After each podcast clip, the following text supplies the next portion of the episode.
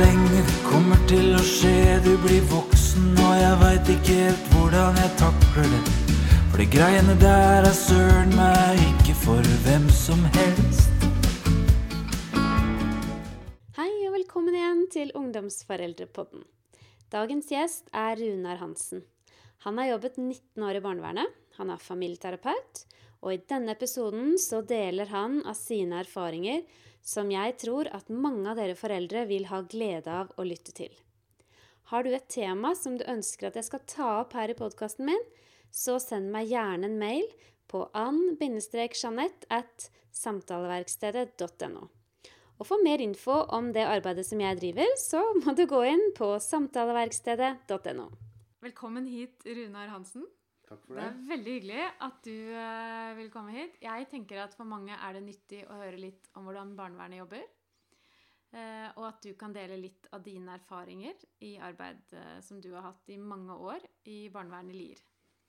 Jeg må jo si bare aller først at Runar Hansen, da så jeg for meg at det skulle komme en litt sånn eh, grå kommuneansatt. Eh, jobbet i kommunen og i barnevernet i 19 år, men der tok jeg grundig feil. For eh, hit kom det en veldig kul type. Han kjører motorsykkel, ringer i ørene, skinnjakke. I det hele tatt, Jeg kunne ha blitt litt engstelig, Runar. hvis, noen, hvis barnevernet hadde kontaktet meg, og du hadde kommet på døra. Ehm, ja, hva sier du? Har du opplevd det? Blir, blir foreldre litt engstelige når du kommer på døra? Ja, jo, altså de er ofte engstelige før jeg kommer på døra, hvis de veit jeg skal komme. Men uh, jeg opplever vel egentlig at den engstelsen forsvinner ganske fort. Når vi får snakka litt sammen. Uh, det det ofte handler om i barnevernet, er jo på en måte at folk er redde for hva skjer nå. Uh, og, og det å få informasjon da, om hva som skal skje, er kanskje det viktigste der og da. Og da forsvinner den engstelsen. Så ja. Men du, kan du fortelle litt, eh, litt om deg selv først? Jeg vet at du jobber som avdelingsleder i barnevernet i Lier. Og at, så vet jeg at du er familieterapeut. Ja. Og at du har jobbet i barnevernet i mange år. Ja, jeg har jobba med barnevern siden 1998. Jobba på institusjon. Jobba stort sett med det meste innenfor barnevernet. Eh, I hvert fall eh, i førstelinjetjenesten. Eh, Med undersøkelser, tiltak, oppfølging av barn i fosterhjem, institusjoner. Ja, det meste, egentlig. I de 19 åra. Har jeg også jobba som ruskonsulent, så jeg har også jobba med de som på en måte har vært voksne og som enten ikke har fått hjelp, eller som har fått feil hjelp i barnevernet. Det betyr at du har vært innom, eh, innom de fleste roller som er i barnevernet? Ja. Mm. Men du Runar, vi ser i mediebildet i dag at, eh, at eh, veldig mange ungdom i Norge sliter psykisk. Ungdataundersøkelser viser at ungdom er flinke, de er generasjon prestasjon. De, de drikker mindre, de røyker mindre, men de sliter med depresjoner, angst og ensomhet. Ser du eh, dette i barnevernet? Ja, noe, noe av det. Men vi, vi ser jo også det, det motsatte. Men eh, ser at det er eh, mange ungdommer, i hvert fall som kommer til oss, da. Så de ungdommene som det er snakk om med veldig stor prestasjon, eller som har veldig Da har det ofte gått veldig langt.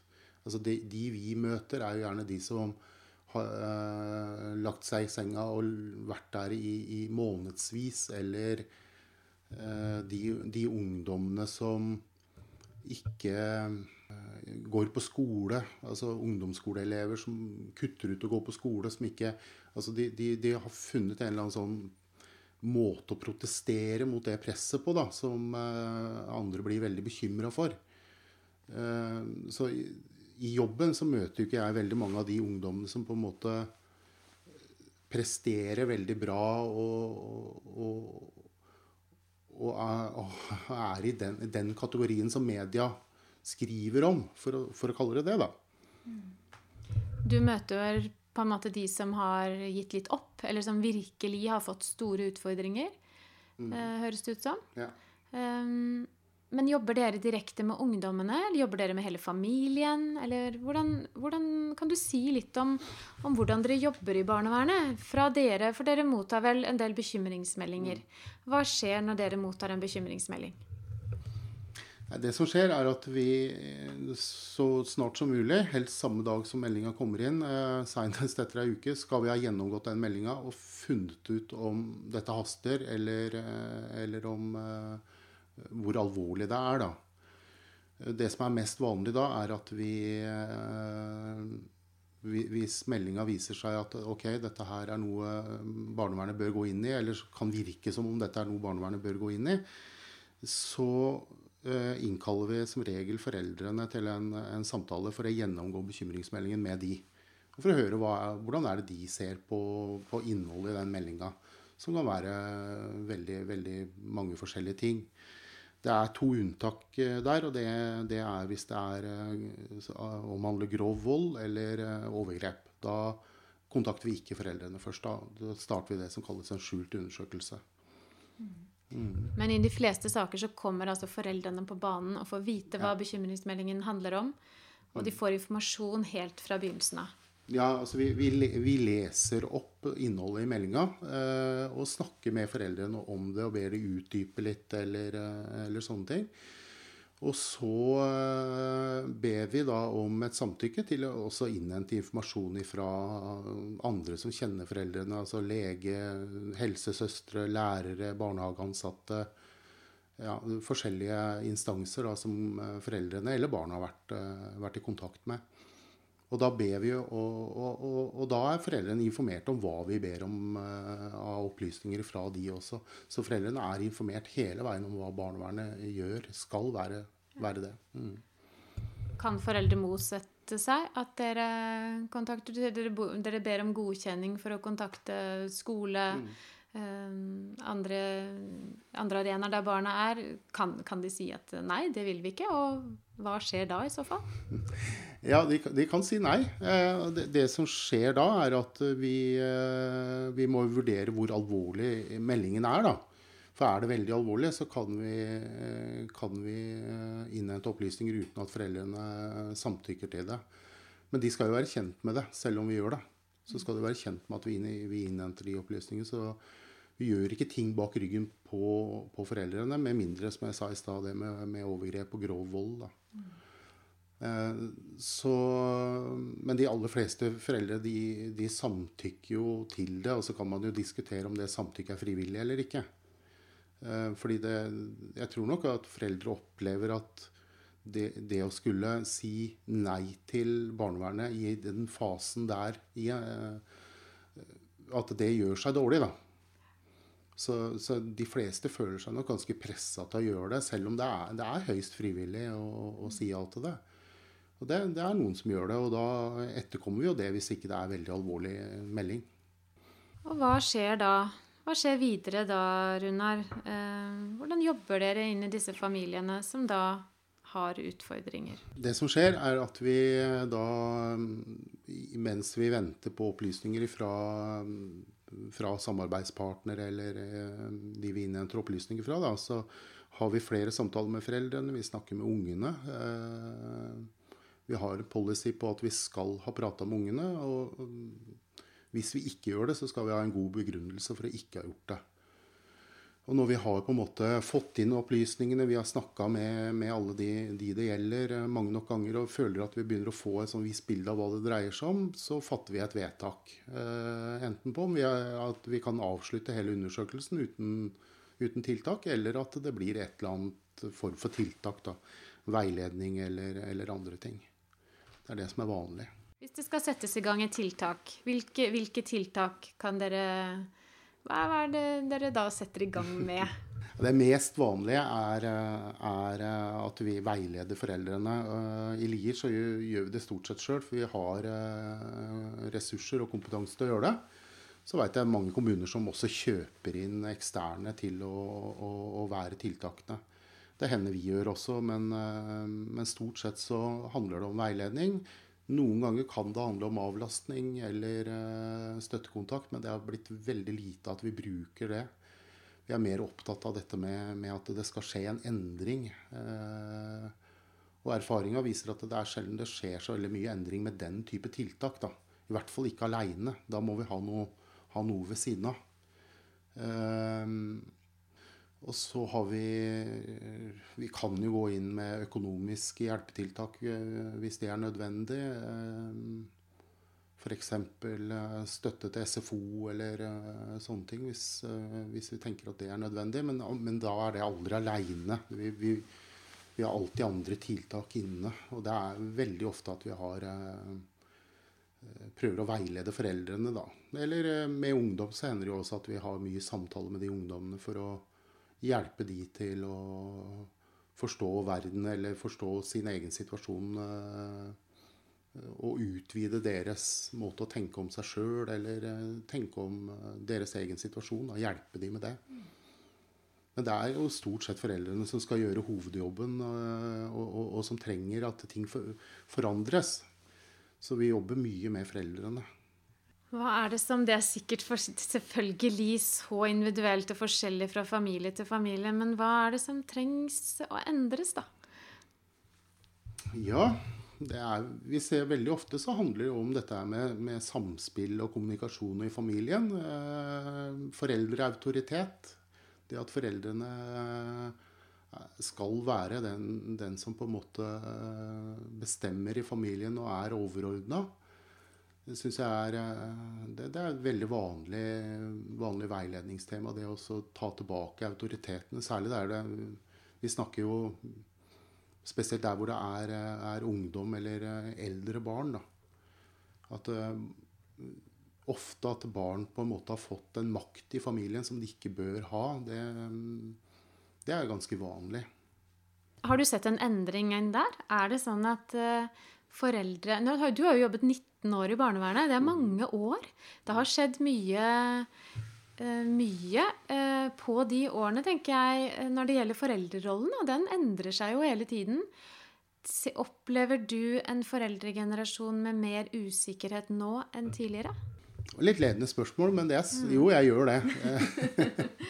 ja, det var ledende ja, men, men jeg, jeg, gjør jo for så vidt det. Men jeg opplever også at vi som hjelpeinstanser, altså barnevernet eller, eller om det er helsesøstre eller fastlege eller hvem som helst, altså at vi òg ser ting i et større perspektiv. Da. Vi klarer Vi har nok mer kunnskap nå enn vi hadde før om, om ting. så at vi vi ser det nok eh, litt annerledes enn, det man gjorde tidligere også. Men, men, jeg opplever jo også at det er eh, mer Foreldre sliter mer nå med dette med å sette grenser. Dette med å være, være den som er sjefen i en familie, da. Og, og, der opplever jeg også at de gangene vi møter foreldre nå må, må presiseres at dette er i en barnevernskontekst, altså en mm. barnevernssammenheng. Og da, da, er det alltid mer enn i, i vanlige familier. Men, men det, det, jeg også opplever, er at der hvor, der hvor foreldre i, i, veldig mange barnevernssaker, altså hvor foreldre har en autoritet, så har, har, har kanskje andre nyanser forsvunnet. da, altså um, jeg har et sånt mantra som jeg lærte en gang på, på, et kurs eh, med større, sterkere, tryggere og god. Det er liksom mantraet mitt eh, når jeg jobber i barnevernet. At foreldre skal være større, vi er sterkere, vi er tryggere, og vi er gode mot barna våre.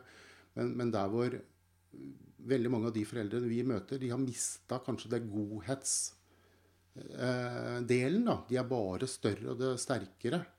Um, og da, da, blir barna veldig redde. De, de, blir utrygge. Ungdommene tør ikke å si ifra. For, uh, vennene til ungdommene tør ikke å ringe hvis, uh, hvis denne ungdommen som vi har kontakt med, da kanskje er full og, og sovna på fest eller kaster opp eller Fordi at de er redd foreldrene. Fordi det er godhetsdelen er borte. samme kan vi også oppleve at at man bare er god. At man glemmer å være større og sterkere. sant? Men, men det er sjeldnere i barnevernet. Men det tror jeg er mer sånn i samfunnet ellers. At man, man, glemmer at man skal være den som er eh, sterkere, større altså Man er faktisk klokere enn en ungdommen sin. Eh, fordi man har levd et eh, mye lengre liv og, og er voksen. Da. Det, det, er kanskje det som Og det gjør unger og ungdom også utrygge på foreldrene sine. Er de i hele tatt i stand til å passe på meg? Er de i stand til å ta tak hvis noe skjer? Er det noen vits i å, å, å prate med foreldrene mine eller eh, om ting som er vanskelig, hvis ikke de klarer engang å sette grenser for meg, liksom? Jeg opplever, opplever litt det kanskje At det er en sånn samfunnsgreie, da. Men som ikke vi ser så altfor mye i barnevernet. Jeg har sett i møte med en del ungdomsforeldre at de um, Det skjer noe når barna våre nærmer seg puberteten og kommer liksom i tenårene. Så blir foreldre litt engstelige. Og de, de, går litt sånn fra tommel opp, du er kjempebra, heier på deg, til så faller den tommelen litt, og så kommer pekefingeren opp. Mm. Og at det egentlig ikke handler om, om noe, noe som Så kjærligheten til barna er der like sterkt, men man blir så opptatt av å forebygge. Fordi man er redd. Man er redd for alt som kan skje. Man har vært ungdom selv mm. og sett at uh, mange har nok en opplevelse at åh, det var flaks at det gikk bra. og det skrives mye om ungdom i media som kan være skremmende. Foreldre blir opptatt av å forebygge, og så blir de kanskje så strenge at relasjonen går litt i stå. Ja, det tror jeg du har veldig rett i. Um, og det, det, kan jo handle om mange ting, egentlig. Men, men det, media og sosiale medier har jo sikkert en stor uh, påvirkning her. Um, jeg, jeg, tenker at veldig mange foreldre som Ja, nå må jeg tenke litt, altså. Um, mange foreldre som har uh, mista den, den, delen, da. Den der med, med, med tommel opp og, og heie fram og, og bli mer pekefinger. At at det handler veldig om eh, en redsel som er veldig, veldig lite eh, reell, da. Altså det handler mer om, om, hva man føler inni seg. Eh, jeg tror også foreldre er veldig opptatt av å vise frem sin egen beste side. Men samtidig så De blir så veldig redd for, redd for man generaliserer, da. Eh, enkeltepisoder i, i, avisene, i media, eh, på nyhetene. At det blir sånn generalisert at man tror at det skjer hele tida. Man leser om eh, en, eh, en, fest hvor ting gikk eh, fullstendig over styr. Man hører om jenter som legger ut filmer eller sender filmer av seg selv til venner for å bli populære. og så tror man at sånn er det hele tida. Og, og, det er jo ikke det. Altså, vi snakker tross alt om generasjon prestasjon og generasjonen som er snillere enn noen generasjoner tidligere. Ja, det tror jeg du har rett i. Jeg tror at uh, veldig, For de aller fleste så går det jo veldig bra. Mm. De aller fleste ungdom både har det bra, uh, klarer seg fint, mm. oppfører seg bra. Uh, sånn at den engstelsen er, er, kanskje ikke så reell, da. Og kanskje man skal legge det litt bort og, og lukke avisen litt og, og ikke, ikke, være så opptatt av det bildet som tegnes, men først og fremst se sitt eget barn. Hvor er mitt barn egentlig i dette? Og, og møte ungdommen sin på det fremfor hvordan andre gjør det, eller, eller hvordan media sier at vi skal gjøre det. Ja, det tror jeg du har veldig rett i. Det der å, å se sitt eget barn for hva, hva er det mitt barn eh, får til, og være mer opptatt av, av det enn av, av, mediebildet eller det man frykter, da.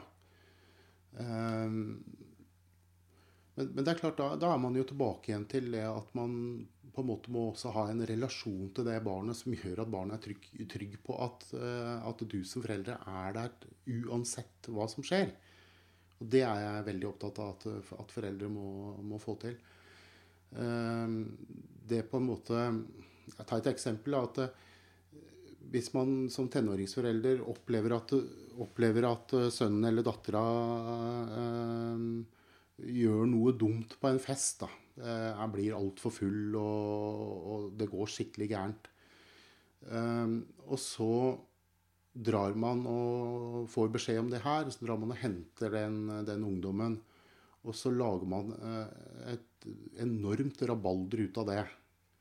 Eh, både overfor den ungdommen, eh, sin egen ungdom, men også kanskje overfor venner og, og av den ungdommen. Da kan man jo ikke forvente at du blir kontakta neste gang, hvis noe skjer. Ikke sant? Men, men, man skal ikke la det bare passere heller. Men, men, man er nødt for å ta det opp og snakke om det. Men man må kontrollere seg sjøl og sin egen frykt og egne følelser. Og klare å, å, å være litt rasjonell i den uh, situasjonen. da. Sånn at, uh, sånn at, det kanskje kan komme noe godt ut av en uh, i utgangspunktet negativ episode. Kanskje det faktisk egentlig kan oppstå en nærhet i det også? Hvis man, hvis man tør, og hvis man klarer å, å, være litt åpen i dialogen i etterkant. Men det er klart at vi er jo bare mennesker, vi foreldre òg.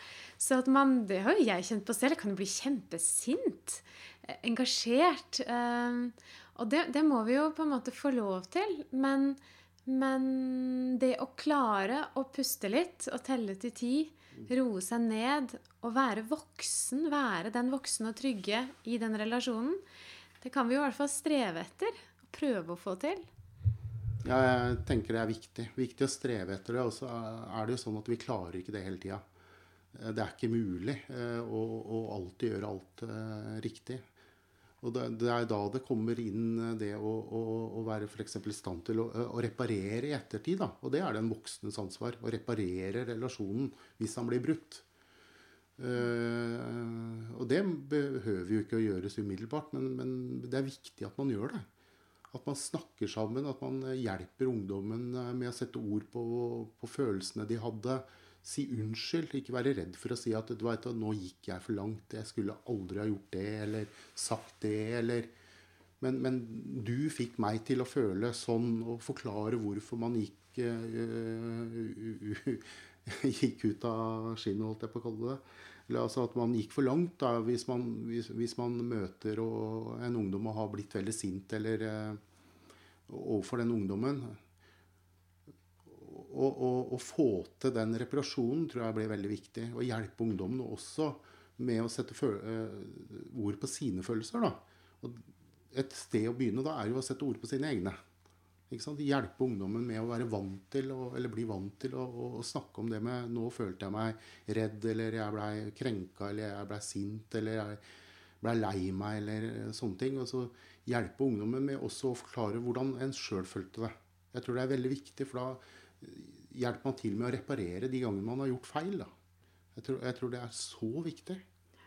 Er dette den type arbeid, er det noe som dere jobber med i barnevernet? Det du snakker om nå, med den type endring og veiledning for foreldre?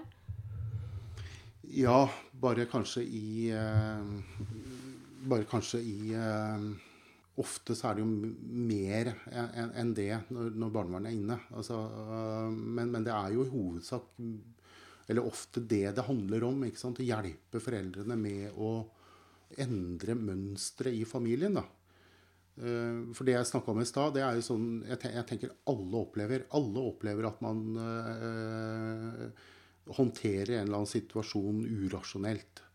Men, men, det er når mønstrene over tid blir feil. Det er jo da man ser uh, ungdom som uh, hva skal jeg kalle det, ungdom som utagerer, eller ungdom som kommer ut på, ut på i, i, i, dårlige miljøer ofte og sånn, så handler det jo om at da, da, da har mønstrene satt seg over tid ofte. Og det, det å endre de mønstra, det, det, er en viktig bit i, i barnevernsjobbing, i veiledning med, med spesielt ungdomsforeldre. Da. Og med, med, yngre barn så handler det om å, å eh, hindre at, at, det, at, det, kommer dit seinere, da. Og da ser man jo allerede med, med Hvis det, dette er etablerte mønstre med små barn òg, så ser man at det, de ungene strever mer på skolen. De får ikke med seg så mye som de andre barna. De strever i sosiale relasjoner. Uh, og det går jo an å, å hjelpe foreldrene med det. Stort sett så går det an høres ut som dere gjør en både veldig viktig og god jobb, syns jeg. Mange frykter jo barnevernet. Er redde for det. Forbinder det kanskje med at da blir man fratatt barnet sitt, eller, eller veldig alvorlige ting. Men det, det, høres jo ut på meg nå som om dere driver mye god veiledning, rett og slett. Ja, altså Hovedtyngden av alt vi gjør, er jo det. Altså, det, det, det, er jo unntakene hvor, hvor barna må flytte hjemmefra. Og ja, jeg leste noen sånne no, noen undersøkelser som Bufetat eller Bufdir hadde gjort, hvor eh, de aller, aller fleste foreldre som har kontakt med barnevernet, er jo fornøyd. Mens de aller fleste som ikke har hatt kontakt med barnevernet, er skeptisk. Altså, det henger ikke helt eh, Og her har jo media også spiller jo en rolle, rolle i det. Altså, man det, er, det selger bedre å skrive om eh, den ene barnevernssaken hvor noen opplevde at det var et overgrep, at barnevernet greip inn, eller at det ble gjort en feil, eller uh, det, det, det, er jo mye mer attraktivt å skrive om det enn å skrive om alle de hjelpetiltakene som bare fikk til en endring som gjorde at ting ble bra i den familien. Da. Så uh, det er jo veldig mange, mange familier som har, eh, har, barnevernstiltak. Og det er et fåtall av de som, hvor barna ikke bor hjemme, eller kan eller blir flytta ut av hjemmet. Så det, ja, det, er, det er, et litt sånn skeivt bilde som er, er danna av barnevernet. Men det er kanskje vi kan takke oss sjøl også at vi ikke er gode nok til å formidle hva vi driver med ut. da. Det, det er vårt ansvar. Men nå fikk vi formidlet litt om hvordan barnevernet jobber. Var ikke det fint? Jo. jo. Men du, Runar. Du jobber i, har jobbet i barnevernet i mange år, er familieterapeut. Men så er du jo pappa. Ja.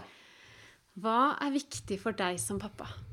Jeg sa vel mye av det egentlig i stad. Jeg, jeg, tenker det der å være, være den som er større, sterkere, tryggere og god. Altså, det er en lekse eller en jeg, tenker at det er veldig viktig. Det å, å ha Det høres litt flåsete ut, men det å ha kvalitetstid sammen med barna tenker jeg er viktig. Eh, på deres premisser. Altså sånn eh, gjøre ting sammen med de, lytte til de. Eh, få barna til føle mestring på, på arenaer, gjøre lekser sammen med de. Det er viktig for meg viktig å skape forutsigbarhet og gode rammer rundt, uh, rundt uh, oppdragelsen. Altså at barna veit hva som forventes. da. At de er veldig klar over hva som, er, hva som kommer. Å Være på forskudd det tenker jeg er viktig som foreldre. At man klarer å forberede barna på ting. eller altså At det er forutsigbart. Legge til i samme tid hver dag. Uh, måltidene til om noenlunde samme tid hver dag. At man samles. Det har, har noen sånne faste punkt som barna veit kommer hver dag. Hver eneste dag. Og har litt ritualer rundt det. At ting gjentar seg. Da. Det er veldig trygt for barn. Og så tenker jeg det er veldig veldig ålreit å kunne være, vise ungene at man er der uansett. da. Jeg har jo en ungdom uh, akkurat fylt 18 år. og han bare, bare, bare sånne småting som at jeg veit at han har en prøve. Ikke hver gang, men, men prøve å huske på det en gang iblant. Sende en tekstmelding da mens han er på skolen. Hvordan gikk det på prøva? Ikke sant? Altså Sånne småting i hverdagen. Det gjør noe, noe for barna. Altså De veit at, de, de vet at du tenker på dem. De veit at du bryr deg. Uh, og det er de der små hverdagslige tingene. Eller uh, ha de med på, på ting i, i, huset når man gjør ting allerede fra de er små. Lage mat sammen. Sette de til oppgaver som de mestrer. La de få, få lov å prøve seg fram, selv om det blir litt mer rot eller uh, søl. Ja, sånne ting er viktig for meg i hvert fall. Tid og struktur var liksom to ord som mm. jeg satt litt igjen med. Det er viktig. Ja, jeg tenker det. Mm. Tid, eh, tid, og struktur. Sette av tid til ungene dine, og, og ha det forutsigbart og strukturert. Det syns jeg var noen gode ord til slutt der, som jeg håper at uh, lytterne kan ta med seg inn i sin hverdag. Det har vært veldig hyggelig å snakke med deg, Runar. Veldig jeg, hyggelig å snakke med deg. Godt, takk. Um, jeg er glad for at du ville være gjest her i Ungdomsforeldrepodden. Jeg håper og tror at dere som har lyttet til i dag, har både lært noe nytt, fått noen nye tanker, og at dere har hatt glede av denne episoden. Hvis du liker eh, dagens episode, så er jeg veldig glad hvis du går inn på iTunes og gir den noen stjerner der, for da kommer den høyere opp, og da er det flere som finner ungdomsforeldre på den. Tusen takk for i dag, Runar. Takk for meg.